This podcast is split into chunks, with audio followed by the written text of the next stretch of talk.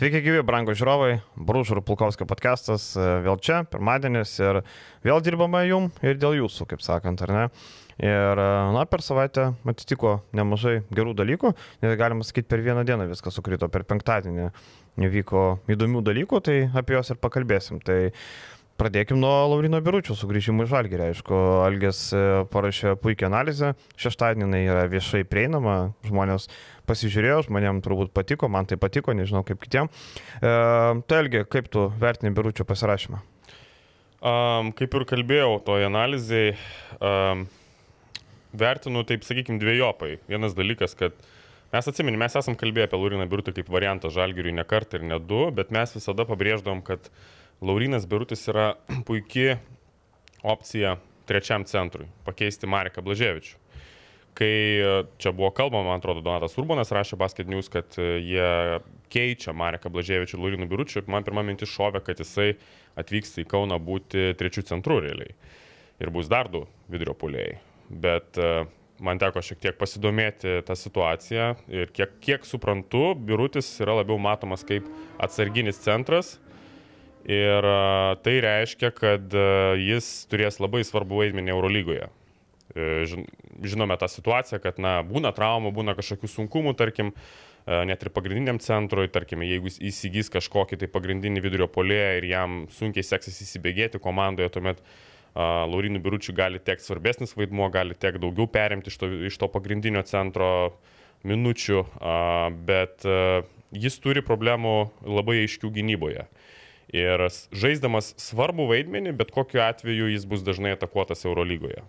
Du prieš du situacijose su metančiais centrais, su atletiškais uh, roleriais, tai, uh, centrais, kurie leidžiasi link krepšį ir kurie yra greiti, mobilus centrai, tarkim toks Hasanas Martinas kaip pavyzdys, ir su tokiais centrais, kurie yra galingi fiziškai, kaip Walteris Tavaresas, kaip Mustafa Falas. Uh, Tiesą sakant, prieš darydamas analizę aš tikėjausi, kad jis žymiai geriau ginsis prieš būtent tokio tipo centrus. Aš galvojau, kad jis yra, na, irgi 2,13 m, nors rankų ilgis jo nėra įspūdingas, rankų ilgis yra netgi mažesnis negu kad Nigelio Heiso. Nigelio Heiso iš tiesų iššonus rankų ilgis yra 2,20 m, biurčia maždaug 2,16 m, bet Bet aš vis tiek galvojau, kad jis šiek tiek patvirties fiziškai, kad geriau gynasi arti krepšį ir man, man atrodė, kad idėja jį pasirašyti buvo, būtent buvo ir tokia, kad jisai turėtų uh, kad jis taptų tuo dideliu kūnu, kurio galbūt šį sezoną žalgirių kartais trukdavo, kai varžovas remdavosi tokiais centrais kaip Kristas Kumadžia, ar Falas, ar, ar, ar, ar Tavaresas.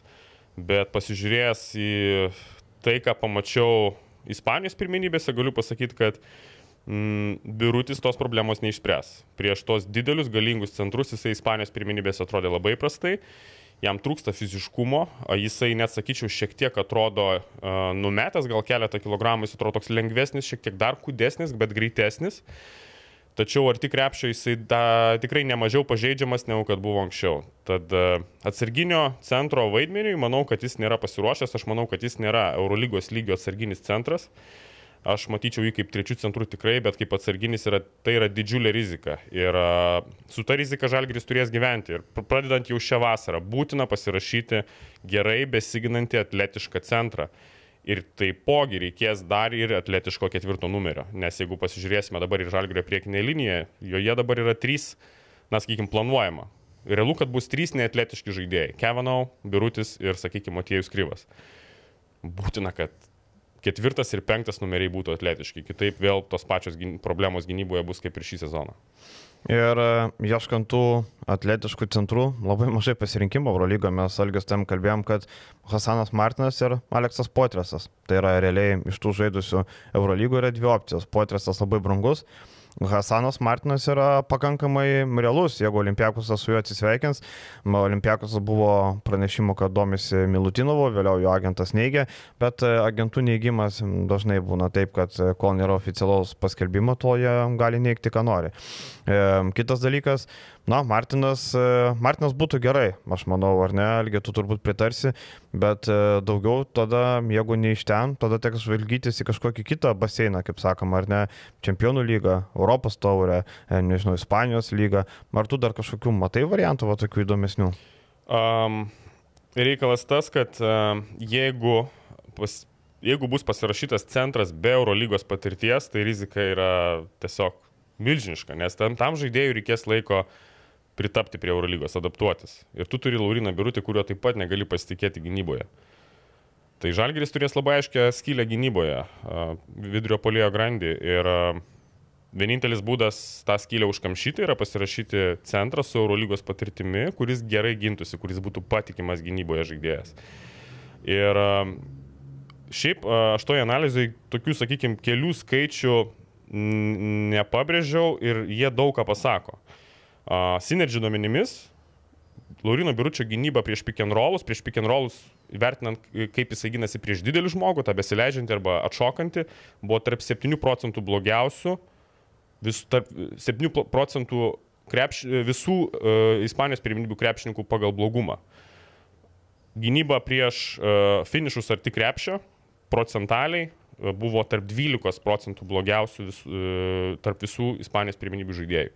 Tai yra pakankamai iškalbingi skaičiai, juolab, kad jis yra centras ir, tarkim, gynyba ar tik krepšio turėtų būti, na, pakankamai, na, bent jau solidi, nes jis turi duomenis ir visa kita, bet uh, Laurinas Brutis nėra pastiprėjęs fiziškai, jis pakankamai pažeidžiamas, yra pernelik minkštas Eurolygai, aš sakyčiau. Uh, yra sunkių kojų, jam sunku judėti šonu, jam sunku keisti kryptis, kaip ir visada buvo. Ir realiai naudojamas tik vieninteliai dropo gynyboje pikinrovose, gali šiek tiek pasaugoti krepšį, bet aš ne, nesureikšminčiau jo lanko saugojimo savybių. Aš nemanau, kad jis yra geras metimų blokuotojas. 0,9 bloko per 24 minutės nėra kažkoks įspūdingas skaičius. Ir dar viena problema yra atkovoti kamuoliai gynyboje. Tik po 2,8 per 24 minutės yra labai mažas skaičius. Jeigu mes paverstume, jeigu mes suvienodintume visų Ispanijos pirminybių žaidėjų žaidžiamas minutės viena, tam pačiam skaičiui, 40 minučių, tai Lurinas Brutis būtų tik šimtoje vietoje pagal atkovotus kamuolius gynyboje visoje lygoje. E, Turbūt peršasi, peršasi tokia mintis, kad e, Žalgeris e, nemažai žaista small ball su Kevano penktoje pozicijoje. Turbūt matysim e, pagrindinį centrą Kevano ir gal Birutis turės tą tokią 10-15 minučių rolę turbūt, nes nu, neįsivaizduojam, kad jis žaistų po 20 minučių, pavyzdžiui, ar ne. Gerai, mes matom tas tas pusės, kaip tu sakai, neigiamas. Kaip tu galvoji, kokiais argumentais remdamas Žalgeris nusipirko birutį? Ką jie mato, ką jie nori iš jo gauti? Man atrodo, kad vėlgi, na, galioja tie patys dalykai. Jiem reikia lietuvių. Laurinas Birtis turėjo puikų sezoną Ispanijoje. 13 taškų vidurkis, 15 naudingumo balų, geri skaičiai, polime jis atrodo šiek tiek patobulėjęs, aš galiu pasakyti, kad uh, man labai patinka, kaip jis leidžiasi 2 prieš 2 situacijose link krepšio, jis prisiema kamolį ir bando dėti iš karto, deda dvi žingsnį ir bando krauti, agresyvus, užtikrintas tose situacijose, tikrai greitesnis negu buvo, tarkime, šiauliuose, sakyčiau. Ir žaidimas nugarai krepšį, vėlgi jis turi duomenis, turi tuos 2,13 m, turi gerą puskablį dešinį ranką, gali neblogai užsiminėti padėtis prieš mažiukus, išsikeitęs, uh, switchall, prieš switchall gynybą žaidžiant, tai pliusų polime jisai turi. Ir manau, tą žalgeris mato. Kitas dalykas, aš galvoju, kad jie dar tikisi, jog jis daugiau duos gynyboje ir tik krepšio. Bet, na, skaičiai ir tas vadinamas I testas rodo, kad ko gero šitoje vietoje jie nusivils tai, ką pamatys aikštelėje. Ir um, dar, vienas, dar viena priežastis, kodėl jisai pasirašytas, aš galvoju, yra finansinė, nes vis dėlto Žalgeris nori investuoti į gynėjų grandį ir mes esam kalbėję, kad, na vis tiek, jeigu tu nori investuoti į gynėjų grandį, kažkur turi aukoti, tai vidurio polėjo grandis yra ta grandis, kur tu gali šiek tiek galbūt aukoti. Uh, tai ko gero, kad didžioji dalis biudžeto bus skiriama pirmai ir antrai pozicijai ir, ir, ir Tai yra teisingas žingsnis. Tiesiog aš galvoju, kad uh, Birutis nėra tas variantas, kurį aš rašyčiausi be kapų uh, Eurolygai. Vis tiek aš galbūt ieškočiau pigesnio, galbūt nežaidusio žaidėjo Eurolygoje, bet uh, atletiškesnio. Tiesiog kaip atsarginis jis turi vis tiek duoti tau bent jau bent jau tokia vidutiniška gynyba, jis negali būti skilė gynyboje. Ir e, mes, tarp kitko, remėjo daly šiandien kalbėsim apie LKL vasaros turgų, kalbėsim apie visas komandas, tai ten pakalbėsim daugiau apie žalgerį, kokios pozicijos, ko ieško, kaip kas, tai remėjom šiek tiek daugiau informacijos, čia šiek tiek mažiau, bet e, paprastai sakant, žalgerį galima jau išbraukti Gudaičių ir Matijūnų pavardės. Tai yra, tų žaidėjų tikrai nebus žalgerį, nes nu, būtų labai keista, jeigu žalgeris eitų į sezoną su Gudaičiu ir e, Biručiu arba su Matijūnu ir Biručiu. Tai e, turbūt e, sunkiai tikėtina, tai galima e, aiškiai sakyti, kad pirmas centras bus atletiškas ir legionierius, akivaizdu. E, o šiaip algi, jeigu gerai, Birutis antras, ten trečias centras, okei, okay, antras. E, daugiau gali duoti negu Marekas, ar ne? Tai jau irgi čia tas klausimas, irgi daug kas rašė komentaruose po tą mano analizę, kad norėjo to palyginimo su Mareku ir e, aš sutinku, galima buvo tai padaryti, bet iš kitos pusės bet tai? Daug prasmės, nes Marekas čia buvo Žalgerė kaip trečias centras, o Birutis turės svarbesnį vaidmenį. Tai čia tai, su Nybo arba Džodžio reikia lyginti. Taip, tai jeigu lyginti su tai žmonėm, tai aiškus, e, sakykime, ėjimas į apačią. Taip, taip, taip, taip. Jeigu lyginti su Mareku, Birutis manau, kad gali šiek tiek daugiau duoti polime. Vis dėlto Jo leidimasis link krepšio yra greitesnis, taigesnis, jo žaidimas nugarai krepšį, man atrodo, šiek tiek gali būti efektyvesnis, ypatingai jeigu jis priema, jeigu jis bus į, į, išvedamas, priimti kamolių labai žemai, tuomet jis tikrai gali užsibaigti, turi tas duomenis, turi tą puskablį užtikrintą. A, kita vertus, Marekas turi žymiai didesnį fiziškumą, kietumą, tokį charakterį tvirtesnį ir a, manau, kad a, polime Gal birutis šiek tiek geresnis šiai dienai, bet po keliarių metų, manau, Marekas tikrai gali būti neblogesnis, o gal net ir geresnis. Gynyboje, gynyboje, gynyboje buvo pažeidžiami vis dėlto. Birutis šiek tiek geriau gynasi tą 2 prieš 2 drop gynybą, turi vis tiek uh, tą savo dydį, gali šiek tiek pasaugoti krepšį, pakeisti metimų trajektorijos mažiukų įsiveržus į baudos aikštelę. Tai jisai čia, čia šiek tiek irgi geresnis yra. Bet Marekas turi charakterį ir jeigu taip lyginti vieną prie vieno, taip aš rinkčiausi birutį, kaip mes ir kalbėjom, ko gero. Uh, Bet, e, bet nemanau, kad čia kažkoks didelis pranašumas, sakykime, biuručio tas pasirašymas, juolab, kad jis žais atsarginių centrų, na, jeigu, žinai, jeigu tu lyginsi su Džošu Nybo, tai Džošas Nybo tikrai geresnis gynyboje žaidėjas negu kad biurutis ir žymiai atletiškesnis. Galim, e, kaip tu minėjai, finansinį aspektą, galim skaičiuoti, kad e, biuručio kaina yra maždaug Mariko lygiai, galima tame 120, 130, iki 150 tikrai nebus gerokai daugiau, ar ne.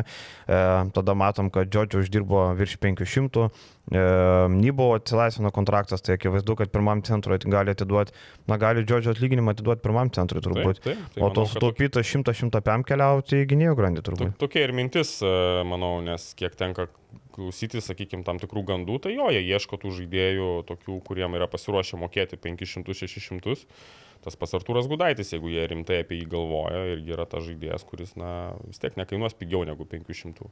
Bet sunkiai, kaip sakė, matom. Artūrą. Na dabar man būtų keista, jeigu jie pasirašytų dar Artūrą Gudaitį, tai tuomet uh, ta vidurio polėjų grandis yra labai neatletiška ir labai pažydžiama gynyboje. Tai tu aiškiai turi čia jau tu aiškiai save nu, nusisprendi būti viena blogiausiai besiginančių komandų Eurolygoje, ko gero, nes vis dėlto mm, vidurio polėjas yra kertinė grandis, e, nuleminti, kiek gera yra tavo gynyba, kadangi įsitraukiamas į visus praktiškai pick and rollus. Ir tai, kaip jisai gynasi pick and rollas, labai daug lemia, kai baigėsi ataka, ar tu apsiginė ar ne. Man kažkaip būtent e, biuručio charakteris e, kelia daugiausiai klausimų. Aš galvoju, kad jis per tiek laiko, kai nebuvo Lietuvoje, šiek tiek patobulėjo kalbėjime, taip toliau, bet pasižiūrė videos, kaip kalbėjo prieš trejata metų, ketvirtą, taip ir liko, atrodo, vis tiek žmogus auga į priekį, bet e, matosi, kad toks vis dar tylesnis, ramesnis ir iš tų epizodų, kiek matėm, irgi nėra tos tokios didelės emocijos, nėra to tokio e, didelio nusivedimo, tarkim, Mariko atveju matėm, gali rėkti veidą Dželenui Reinoldsui, taip toliau, Birutis visai kitokio plano žaidėjas, o tas charakteris, tu sakai, ką nori, vis tiek e, labai daug gali duoti. Labai daug lemia Eurolygoje ypatingai, kiekvieną vakarą susitiksi su labai gerais centrais, labai atletiškais. Tais dėdėm. E, tokiais rimtais dėdėm, taip, ir, ir jeigu tu neturėsi to, žinai, tokio iš savęs, to, to tokio pasitikėjimo ir tos tokios, tokio kietumo, griežtumo, tai, nu, tave gali biškis, žinai, suvalgyti, apdaužyti gerokai ir, ir, ir, ir tas pasitikėjimas dar labiau kris, kai, tarkim, per tave kažkas įkals dėjimą, žinai, kaip ten irgi Tavaresas irgi vieną tokį, irgi, kai žaidė Obradoiras su Realu, apsižaidė nugarai krepšį, prasisuko, kalę biručiui per birutį, žinai, ir, nu, tokių epizodų gali būti ne vienas Eurolygoje vis dėlto. Tai, na, linkiu, kad taip nebūtų, linkiu, kad vis tiek jis kažkiek a, žaistų geriau, negu mes tikimės gynyboje, ypatingai toj pasyvioje gynyboje, kažkiek galėtų pas, pa, pasaugot krepšį galbūt ir duoti kažkokios naudos. Na, o polime kažkiek irgi galėtų, galėtų pridėti daugiau galbūt negu Marekas galėjo duoti, sakykime. Kita vertus sakau, jeigu įsimamas svarbiai, svarbiam vaidmeniui, tai čia tikrai yra, a, tai yra tiesiog downgrade'as paprasčiausias ir viskas. Netgi taip e, lyginant Birutį Ehodą, aš pavyzdžiui šitoje situacijoje gal net Ehodas būtų įdomesnis variantas, nežinau čia.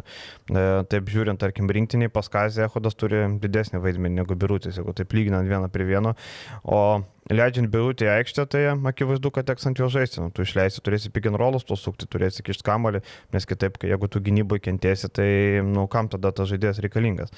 Tai pasižiūrėsim, kokius planus parengia Žalgeris, bet turbūt viskas šviečiasi, kad atletiškas centras, su kuria keičiasi, Birutis tai drop gynybai ir Kevanau, kai reikia išplėsti aikštelę, kai atakuoja arba... Tavarės, pavyzdžiui. Kevinau arba, arba tas kitas būsimas ketvirtas, gal ketvirtas penktasis bus, tai Galbūt jis labiau bus gynybinis irgi labiau atletiškas, galbūt daugiau galės pridengti gynyboje iš penktos pozicijos. Bet taip, logiška būtų, kad jie turi naudotų Kevinų penktoje pozicijoje nemažai, atakuojant tokius kaip Tavarėsas. Ir įdomu, Matijos Kryvas, kaip atrodys pagrindinį komandoje, matėme, ant kalo marškinėlius tikrai atrodo išaugęs, tikrai dar per vasarą padirbės dar daugiau pridės, manau. Tai Eurolygo, aišku, tikėtis minučių ne, bet LKL labai įdomu bus pasižiūrėti, kaip tai atrodys. Gerai, apie Birutį turbūt užteks, bet apie Žalgerį dar rėmėjo daly, kontribį rėmėjo daly, apie visą turgą, apie visus. Mes einam toliau ir liekam prie Kazio Maksvyčio, jisai paskelbė rinkinės kandidatų sąrašą, kurie pretenduoja rungtyniauti tam lange, kuris jau artėja, ten rungtynės laukia dviejos su Bulgarija ir Čekija. Tai pas, pažvelgus į sąrašą matom, kad e, nėra daugybės stipriausių žaidėjų e, dėl kažkokių skirtingų priežasčių, NBA žaidėjai, aišku, e, ten dėl draudimo reikalų ir taip toliau, kai kurie žaidėjai, tarkim, iš Lietkabilio ryto negalėjo dalyvauti dėl ilgos serijos, traumas reikia gydytis, e, vestuvės laukia, kaip sakant. Galim patikslinti, tai daugam kilo klausimas, kodėl mhm. sąraše nėra nei vieno panevežio Lietkabilio žaidėjo. Tai, mhm. e, kiek žinom, tai Kristupas Žemaitis yra nusimatęs vestuvės, ten Taip. tos vestuvės berots e, pačioj pačioj Liepos pradžiai, pirmom dienom. Um, Karl, uh, Do, Dovis Gedraitis turi problemų su čiurna ir jas gydysis. Tai mes problemas. teisingai spėjom, kad tas jo judėjimas buvo labai pribotas. Taip, taip. Ir, e, ir Orelikas irgi turbūt kažkokių tai sveikatos problemų. Jam achilus labai skauda. Ir, ir jas nori pasispręsti. Tai, tai čia buvo trys žaidėjai, kurie buvo tam, tokiam išplėstiniam, išplėstiniam sąraše, kiek žinau. Ir visi trys atsisakė atvykti. Mm, šią vasarą rinkti. Ir turim vėl, e, nori, nenori, turim linksmiuot, nu vėl matom e, poną Bitenį Čižauską komandai. E, na taip, to žaidėjo grandy labai, sakyt, plona linija Berička, Sabetskis ir Čižauskas. Ar nematai daugiau, bet Čižausko, nežinau, Čižausko pasirodymas Prancūzijos antrojo lygo nu, buvo košmariškas, tragiškas. Nežinau, aš, aš, aš neimčiau žaidėjo iš Prancūzijos antros lygos į Lietuvos vyrų. Kuri dar prastai ten žaidė, būtų gerai žaidęs. Nu, man irgi labai keista, aš nelabai supratau šitos idėjos, kodėl jisai vis dar yra rinktinė, jisai kol kas čia nieko labai neįrodė per tos kitus langus, nei jis ten nežaidė kažkokio įspūdingo krepšinio. Nelabai suprantu, ką mūsų rinktiniai veikia antros lygos krepšininkas. Tai yra keletas variantų, yra tas pats, pavyzdžiui, Mindaugas Girdžiūnas galėtų būti mm, naudojamas kaip pirmas. Žygis Janavičius. Žygis Janavičius, tas pats Juškevičius, tarkim, aš nežinau kokią situaciją gal. Juškevičius, matai, baigė karjerą MG rinktiniai, tai okay. nebenori žaisti. Taip, taip. Tai, na, bent jau, bent jau Girdžiūnas ir Janavičius turbūt yra neblogos opcijos, aš galvoju, vis tiek tai yra žaidėjai, kurie žaidžia aukštesnėme lygyje ir, ir, ir, manau, kad yra vertesni negu Čižauskas. Jo, tarkim, Vaidas Karniauskas irgi negalėjo, nes e, turi problemų su čiurnom, kaip ir kalbėjom sezono metu, sakiau, kad tos problemos rimtesnės negu buvo skelbiama ir taip toliau, tai Karniauskas gydysis, gal panašu reikia įsigydyti dėl naujo kontrakto. Neaišku, liks ryte, neliks, čia mes pakalbėsim e, kitoj dalyje ar ne. E, dėl to man labai įdomu dar vienas aspektas, kodėl Kodėl rinktinėje nėra, pavyzdžiui, Mindaugo Kuzminsko? Tarkim, Artūros Gudaitis, kaip ir sakė Kazis Maksvytis, e, Gudaitis nusprendė stiprinti kūną, e, nusprendė vasarą kitiem dalykam užsimti, nes e, kaip ir daug laiko nežaidė, vėliau ten pabaigė sezoną, bet sprendžia problemas, jam reikia naujo kontrakto, akivaizdu, reikia būti sveikam, pasiruošusiam, gal Eurobasketų reikia pasiruošti. Marius Grigonis yra kuris irgi nežaidė nuo karo Ukrainoje pradžios, bet Mindaugo Kuzminsko nėra, kuris taip pat paliko Zenitą būtent tada ir skirtingai, skirtingai nei Gudaitis, Mindaugas niekur nebežaidė šį sezoną. Tai va įdomu, gal dėl šeiminių reikalų, gal nori pabūti su šeima, e, bel nežino. E, ką mes matom, algi šito rinktinį, ką? Labai didžiausia intriga, kaip atrodys Ignas Brasdeikis, turbūt, ar ne? Jo, Ignas Brasdeikis ir Arnoldas Kulbok, aš galvoju, du žaidėjai, kuriuos tikrai bus įdomu pamatyti. Visus kitus mes daugiau mažiau žinom, ko tikėtis ir panašiai. Um, Žiūrėsim, kaip Tadus Sedekerskių gynybui seksis. Jis, na, čia tas žmogus. Bet jis ruošiamas bus Dončičių stabdyti. Dončičių sustabdyti, taip. Šiaip aišku, ta, e, tas šiaip sudėtis tikrai nebloga, aš manau, kad sudėtis yra pakankamai gera, kad galima būtų laimėti abu susitikimus prieš bulgarus ir čekus. Um, tik tais nerima kelia, aišku, tik žaidėjo pozicija turbūt ir kelia nerima. Mm -hmm. Čia Arnas Vilička, Čižauskas, Labeckis yra... Gal Grigonį teks kamalį pažaisti daugiau? Gali, gali, manau, gali būti tas variantas, kad nei vienas iš tų trijų žaidėjų neduos norimo rezultato ir Grigonis turės įžaidinėti kamalį. Ir, Tomas Dimšoda yra. Jisai tai gali daryti irgi. Tai, Yra dar Tomas Dimša antroje pozicijoje, Lukošiūnas kaip metikas, man patinka šitas pasirinkimas. Mm -hmm. Tikrai daug kas sako, kad Lukošiūnas čia, žinai, per sezoną jokios pažangos nepadarė, aš manau, kad padarė, jisai tapo šiek tiek solidesnių žaidėjų, tiek gynybui, tiek polime. Uh, tikrai, manau, vertas kvietimo į tokią rinktinę, tokio formato rinktinę. Brasdeikis, Radzevičius, Edekerskis trečioje pozicijoje. Visi skirtingi, visi turi ką pasiūlyti, įdomu bus pamatyti Brasdeikį, bet manau, jisai daugiau žais su kamoliu. Gal net į antrą poziciją kažkiek bus pastumtas pabandyti. Uh, Ketvirta pozicija irgi visi skirtingi. Žukauskas, Kulboka, Miniotas, Masiulis turbūt labiau gal kaip penktas bus naudojamas. Mhm. Tai arba Miniotas kaip penktas, Masiulis kaip ketvirtas. Tai čia irgi yra, yra pasirinkimo ir centrai. Jau mums gerai pažįstami Ehodas Birutis, skirtingi centrai ir jie prieš tai, bent jau prieš atrankos langose prieš tai tikrai atrodė solidžiai. Tai visa kita partį žaidėjų grandies man atrodo tikrai gerai ir, ir manau, kad šitą rinkinę net ir su tokiais žaidėjais turėtų būti pakankamai sėkminga. Na, aš irgi taip pat galvoju ir man atrodo Lukošiūno pakvietimas labai aiškiai signalizuoja, kad Žalgris pasilieka Lukošiūną. Kazijui patinka Lukošiūnas, pats jisai sakė tame interviu Žalgiriui, kad kuris žaidėjas nustebino, sako, Lukošiūnas buvo tas malonys teigmena atėjęs Kazijui. Tai manau, kad Lukošiūno klausimas, kai matom rinktinį, manau labai aiškus.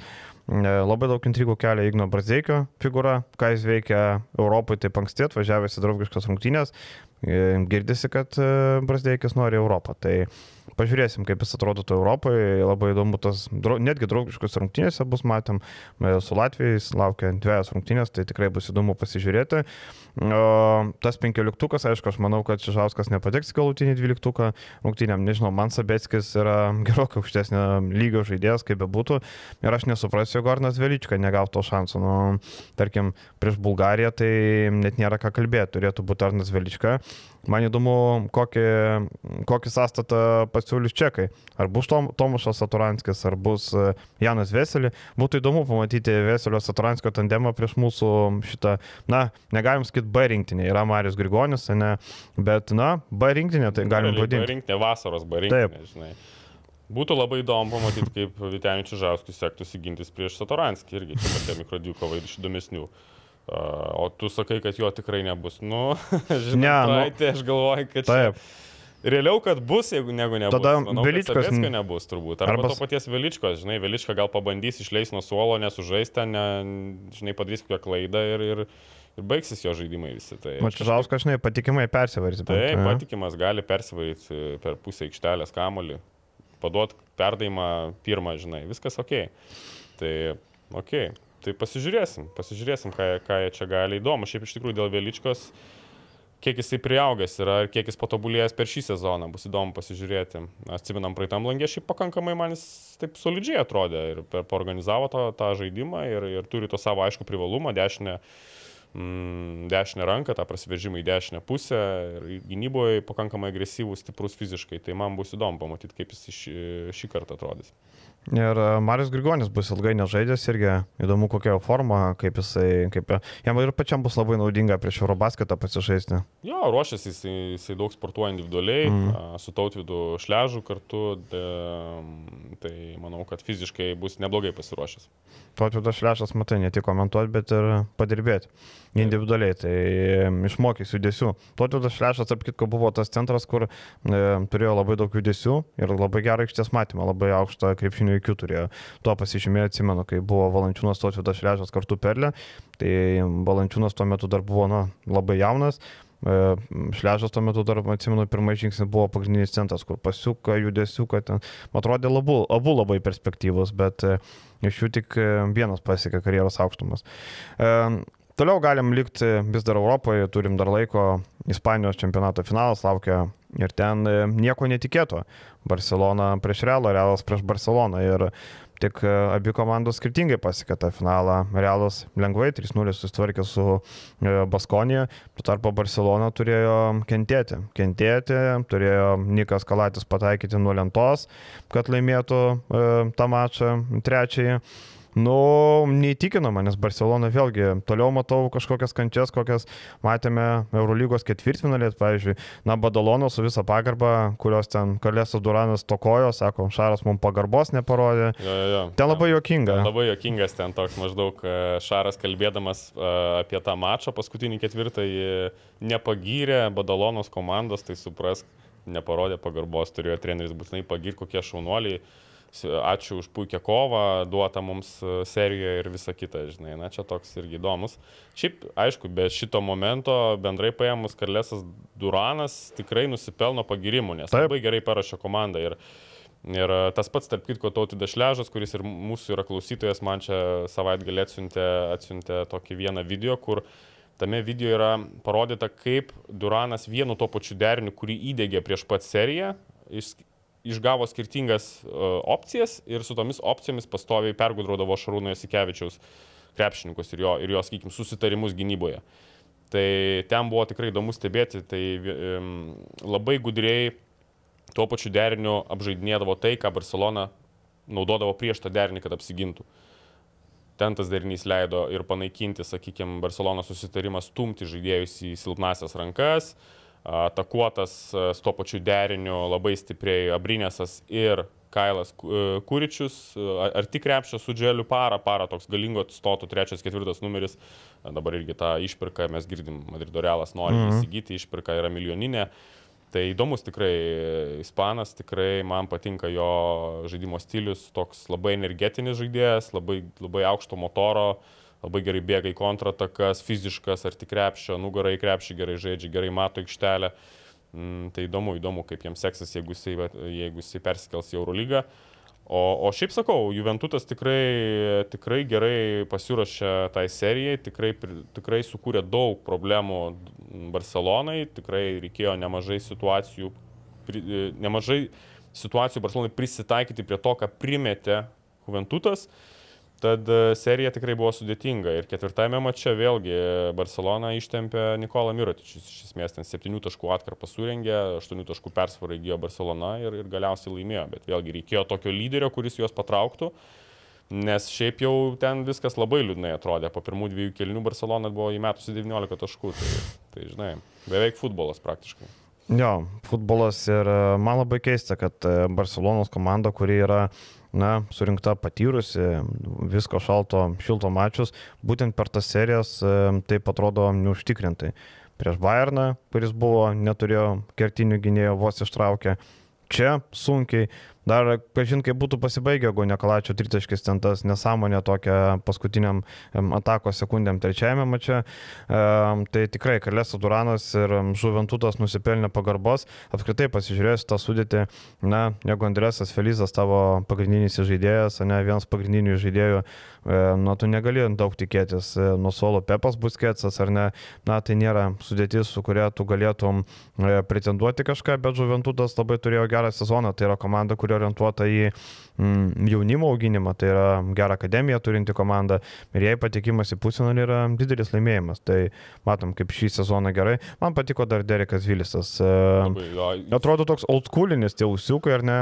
Taip, Derikas Vilisas, e, Derikas Vilisas yra žaidėjas, kuris e, man gerai žinomas jau kokius 3-4 metus. Šiaip kažkada nebuvo taip jau toli nuo Kauno Žalgirio. Mm, buvo kaip, kaip variantas, tik tais tiek, kad e, jis turi tam tikrų sveikatos problemų ir, ir dėl to mm, manau, kad ir nesudomino Eurolygos klubų ir vėliau, sakykime, kas, kas pasidomi, gauna jo tą, sakykime, medicinę informaciją, sužino, kad, na, žaidėjas yra probleminis šiek tiek e, ir, ir, ir jį rašytis būtų, būtų gana rizikinga. Bet tai yra jisai- ne su traumom, tiesiog Ne, ne, šiaip. ne, ten yra tam tikri, ten yra kitos problemos, ten yra lyga, sakykime, Mhm. ir, ir, ir jis, jis, jis turi problemų. Tai, tai šiaip e, toks tipinis stretch 4, žinai, ketvirtas, kuris su metimu, atletiškas, bet nieko, nieko gerai su kamoliu negali daryti, nei, nei nugarą gerai žaidžia, nei veržiasi. Bet turi tos energijos, toks motoras tikrai geras, kovoja dėl kamolių, jisai gali net ir penktoje pozicijoje šiek tiek žaisti ir matėm ir čia irgi šitoje serijoje su Barcelona irgi buvo naudotas daug, išvestas metimui, toj e, ketvirtųjų rungtynių finaliniai atkarpoj. Tikrai porą kartų labai gerai sužaidė, pataikė svarbu tritaškį, apsižaidė dar vienas prieš vieną. Tai tikrai žaidėjas įdomus, aš manau, kad jeigu net ne tos veikatos problemos, jisai galbūt net Eurolygui dabar būtų, nes iš tos atletinės pusės, iš dydžio pusės tai tikrai yra Eurolygos lygio žaidėjas. Dar galima paminėti, kad Žuventutas neturėjo Vladimiro Brodzianskio, tai yra vienas komandos lyderių, jo nebuvo dėl traumos, tai irgi labai didelis praradimas, kaip bebūtų. E, man, man patinka Simonas Birganderis, tai toks, na, toks e, labai ribotas Mulas centras, toks, taip, mulas toks. Tipinis mulas, žinai. Bet- Darius Šilinskis toks. Taip, taip, taip, bet, e, nu, Čilinskis dar turėjo minkštą metimą, nu, žinai. taip, taip, taip. Bet, Bet e, viso sudėjimo, iš to, to, tos, tos, tos mimikos, tas, tas visas, žinai, jo kūno kalba tokia labai. bet labai gerai išnaudojamas. Tikrai savo privalumus matom Tomičius vienoks, jisai kitoks ir e, labai, labai, labai simpatiškai atrodė Žuventutas. Iš Barcelonos pusės man nerima kelia, kad e, kai atėjo lemiami du mačai, Rokas Jokubaitis nepakilo nuo suolo. Turim omeny, kad e, Rokas visą sezoną gerai žaidė ir tai yra mūsų pagrindinės rinktinės žaidėjas pagrindinis. Tai e, kodėl išėmė, apie traumas nėra jokios kalbos ar ne, tiesiog matyt, Šaras labiau pasitikėjo kitais. Kalačiu, Higginsu. Tai labai gaila, kad Mm. Rokas negavo tų minučių. Higginsas, kaip sakai, Higginsas grįžo į rykiuotę, yra neblogos sportinės formos, dabar jau ją gerina, aišku, su kiekvienomis rungtynėmis ir matyt dėl to Roko ir nebėra rotacijų.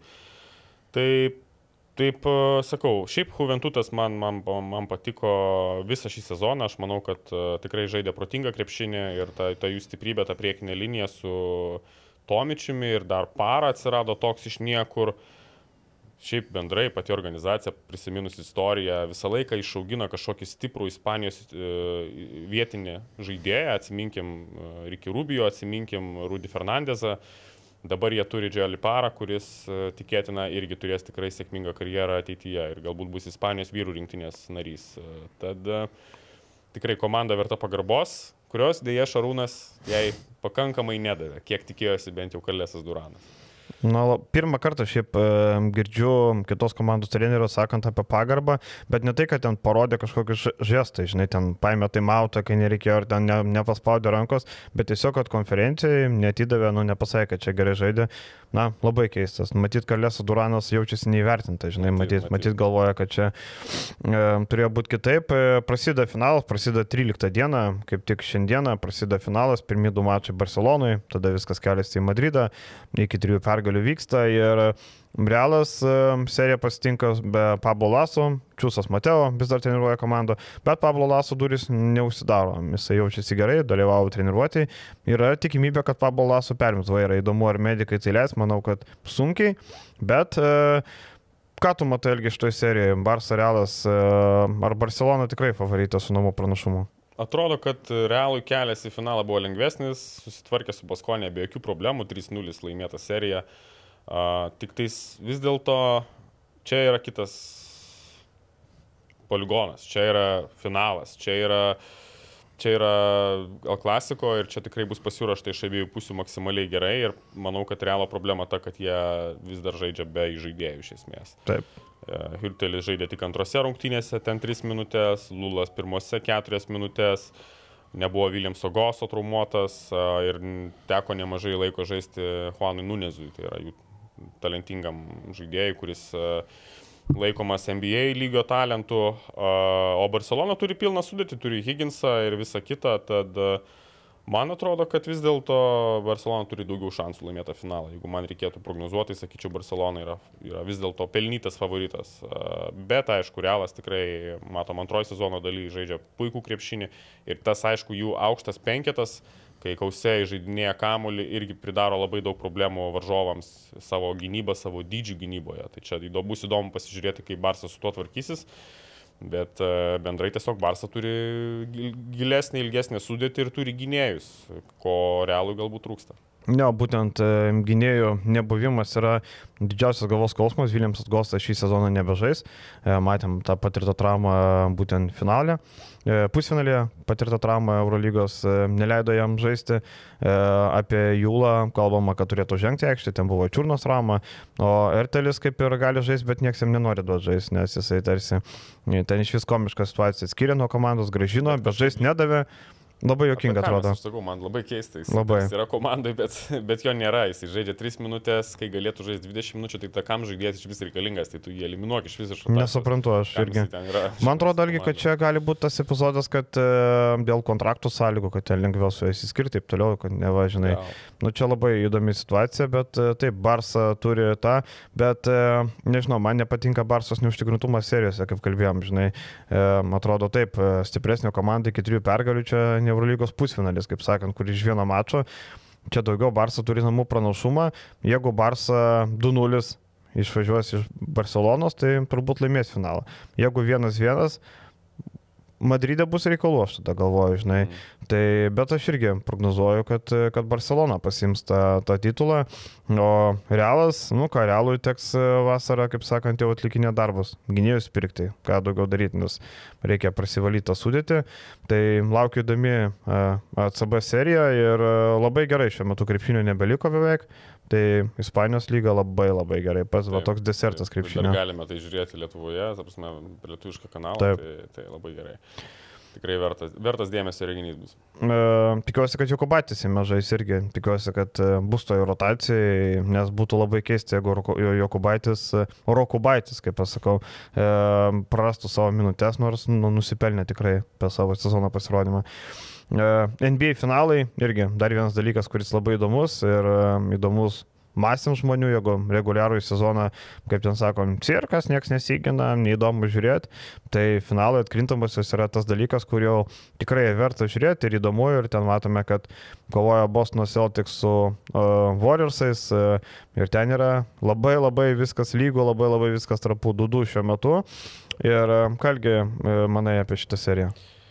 Galvoju, kad e, kol kas viskas klostosi kaip ir tikėjausi. Aš tikėjausi, kad čia bus labai atkakli serija, gal net reikės visų septynių rungtynių.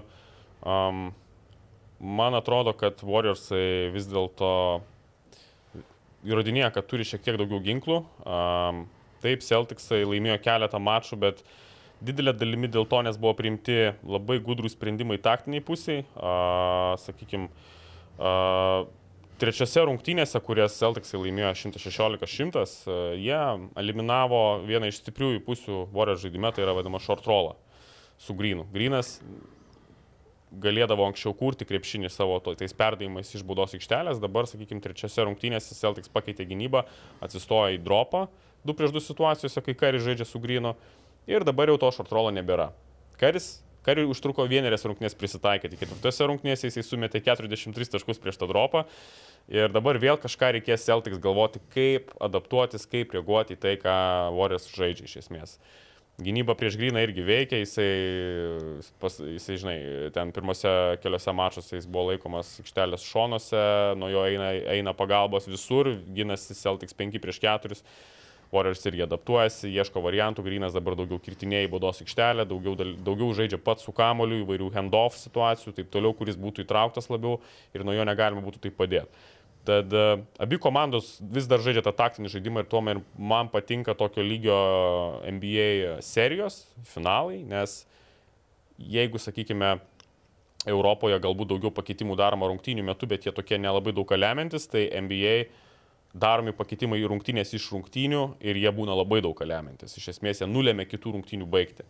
Tai tas taktinis žaidimas kol kas čia tikrai įdomus ir, nu, pasižiūrėsim, kaip toliau viskas dėliosis. Šiaip Stefanas Kari žaidžia realiai geriausia pagal pelnomus taškus ir pagal pelnomų taškų efektyvumą, kaip jis gerai tos taškus pelno, kaip efektyviai pataiko metimus, geriausia atkrintamųjų serija per savo karjerą, per visas 26 atkrintamųjų serijas, kurias yra žaidęs. Ir Mm, Viskas, e, kaip tu irgi sakai, e, matom, kad e, puikiai patvirtina faktą, kad NBA nėra žaidimas be derinių, be, be kažko, ypač finaliniai serijai matom, kokie taktiniai žaidimai ir kiek jie daug lemia, kaip tu sakai. O Warriorsai, mano akim, turi daugiau ginklų. Celticsai, kaip matom, labai Labai viskas aišku, ką jie gali pasiūlyti. Ir Celticsai gali laimėti seriją, nebent jeigu grauž parketą. Kaip, kaip ir sakė treneris, mes turim daugiau dirbti gynyboje, turim būti, turim būti protingesni. E, tada, kada jie buvo protingesni ir geriau žaidė gynyboje, būtent ir laimėjo turbūt. Taip, taip, tik tas, tos rungtynių pabaigos man labai nepatinka, jie pradeda žaisti labai po vieną dažnai rungtynių pabaigose. Ir viskas sprendžiasi Jaileno Brauno ir Jasono Teitumo žaidimų a, izolacijose ir ką jie po to sukurs jie į baudos aikštelę. Tai man tas jų toks sustabarėjimas lemiamais momentais nepatinka ir dėl to šita komanda Celtics daug kas kalba, daug kam jinai labai patinka ir daug kas labai išsihypinę. Man labiau patiko 2008 metų Celtics, kai buvo įvairesni žaidėjai, kai buvo įvair, įvairesnis krepšinis. Buvo Rondo toks tikras žaidėjas, buvo Reis Alenas, sniperis, grinai jam deriniai, kaip metikui. Buvo Pirsas, tas, kuris spręsdavo daug ką vienas prieš vieną žaidimų. Buvo Garnetas, kuris irgi turi ką pasiūlyti, gali nugarą sužais, gali veido, vidutinis nuotolis, visa kita. Buvo įvairesnė komanda, tos sudėtis tokia platesnė ir tas krepšinis toks... Uh, na, toks įvairesnis, žinai, dabar viskas labai pastatyta ant to vienas prieš vieną žaidimo. Ir jis, jisai veikia dažnai, taip.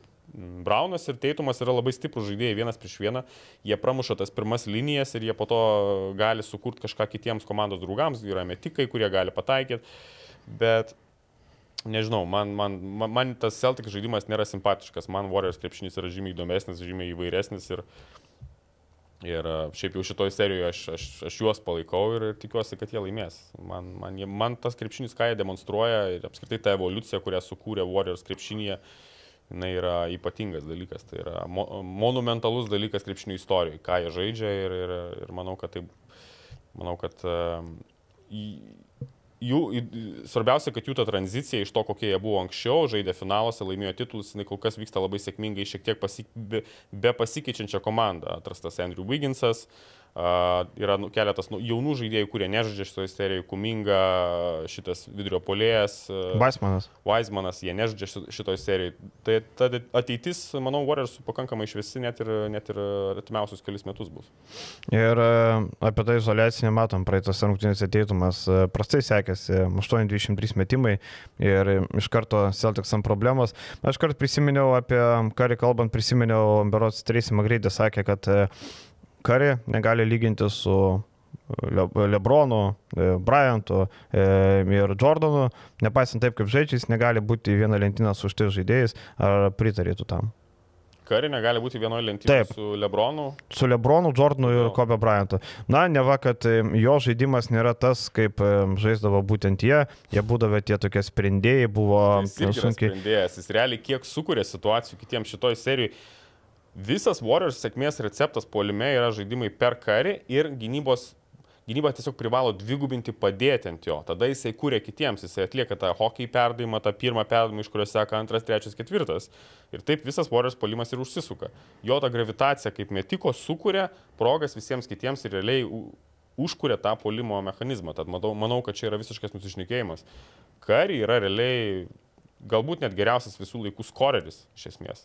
Kad metikas geriausias, tai faktas, kad skoreris realu, o kad žaidėjas, kuris pakeitė krepšinį, irgi nebejotinai. Tai aš manau, kad čia teikti, kad jis nėra vienoje linijoje su Lebronais, ten Kobėm, tikrai yra vienoje linijoje ir tikrai yra, ne, yra jis visiškai e, generacinis talentas, kuris, kuris, kuris įstriks NBA istorijoje visiems laikams. Matyt, žinai, jo žaidimo stilius toks kitoks negu minėtų tai, žaidėjų. Čia, čia, čia tas yra, kad maždaug anie žaidėjai yra fiziškesni, daugiau žaidžia vienas prieš vieną, įvairiau gal žaidžia, gal daugiau to yra tokio, žinai, muscle, muscle game. O kar yra apie techniką, apie greitį, apie... apie Tiesiog metikas. Met, apie metimą būtent ir, ir, ir, jis kitoks žaidėjas, bet jis yra, manau, kad vienoje linijoje su visais geriausiais visų laikų NBA krepšininkais. Čia žinai, irgi kaip e, seniai NBA fanai nemėgsta dabartinio NBA, nes tada muštynės būdavo, o Taip. tada neatsėti įdomu, tik kavo žaisdavo, dabar saugo lyderius, saugo tos žvaigždės, tai čia neįdomu. Tai matyt, kai žaidė Lebronas, ne, ne dabar, bet anksčiau e, Bryantas, Jordanas, viskas būdavo per jėgą, verčiama daug labai kieto žaidimo, o kar, toks kaip karis tais laikais būdavo gerokai sunkiau jam būtų buvę. Dabar krepšinis pasikeitė, tai reikia pristaikyti ir prie to, kad ir na, tie vedantys žaidėjai kitokius stilium žaidžia. Galima krepšinį žaisti nebūtinai laužint jėgą, veržiantis ten ir daužant visus išėlės. Tai karis irgi puikiai, puikiai atlieka tą darbą. Tai ir supratimas pasikeitė, atsiminkim, anksčiau žmonės, nes uh, treneriai, tarkim, kokie deriniai būdavo NBA komandų, kur viskas susigrūda į vieną pusę, 3-4 žaidėjai okupuoja erdvę ten kokių 3-4 kvadratinių metrų ir, ir, ir visi ten susikišę vienoje vietoje, žinai. Tai dabar visi žaidžia labai plačiai, atvirai išnaudoja kiekvieną įmanomą centimetrą aikštelį ir, ir, ir tas krepšinis žymiai atviresnis ir greitesnis. Tai na, kažkiek evoliucionuoja pats žaidimas, aš manau. Tai čia normalu ir tos taisyklės, aišku, dabar parankesnės puolant, puolantiem žaidėjim. Bet realiai, nu, kažkada esu sakęs, vis dėlto krepšinis yra, kaip Jamesas Naismitas, krepšinio kūrėjas yra pasakęs, tai nėra, tai nėra amerikietiškas futbolas. Tai yra žaidimas apie techniką, ne apie fiziškumą, ne apie fizinę jėgą. Žinai. Gerai, viskas, šią gai- gaidą ir baigiam mūsų viešą dalį. Keliausim į rėmėjo dalį apie LKL vasaros turgų, kas ką pirks, kas kur gali nutūpti. Tai ačiū Jums, kad žiūrėjote ir e, pasimatom kitą kartą. Ne po savaitės, po savaitės mūsų nebus. Jo, savaitėlę mes uh, Palsėsime. palsėsim ir po to grįšim birželio. Klausimų atsakymų podcastui. Taip, Ačiū, iki. iki.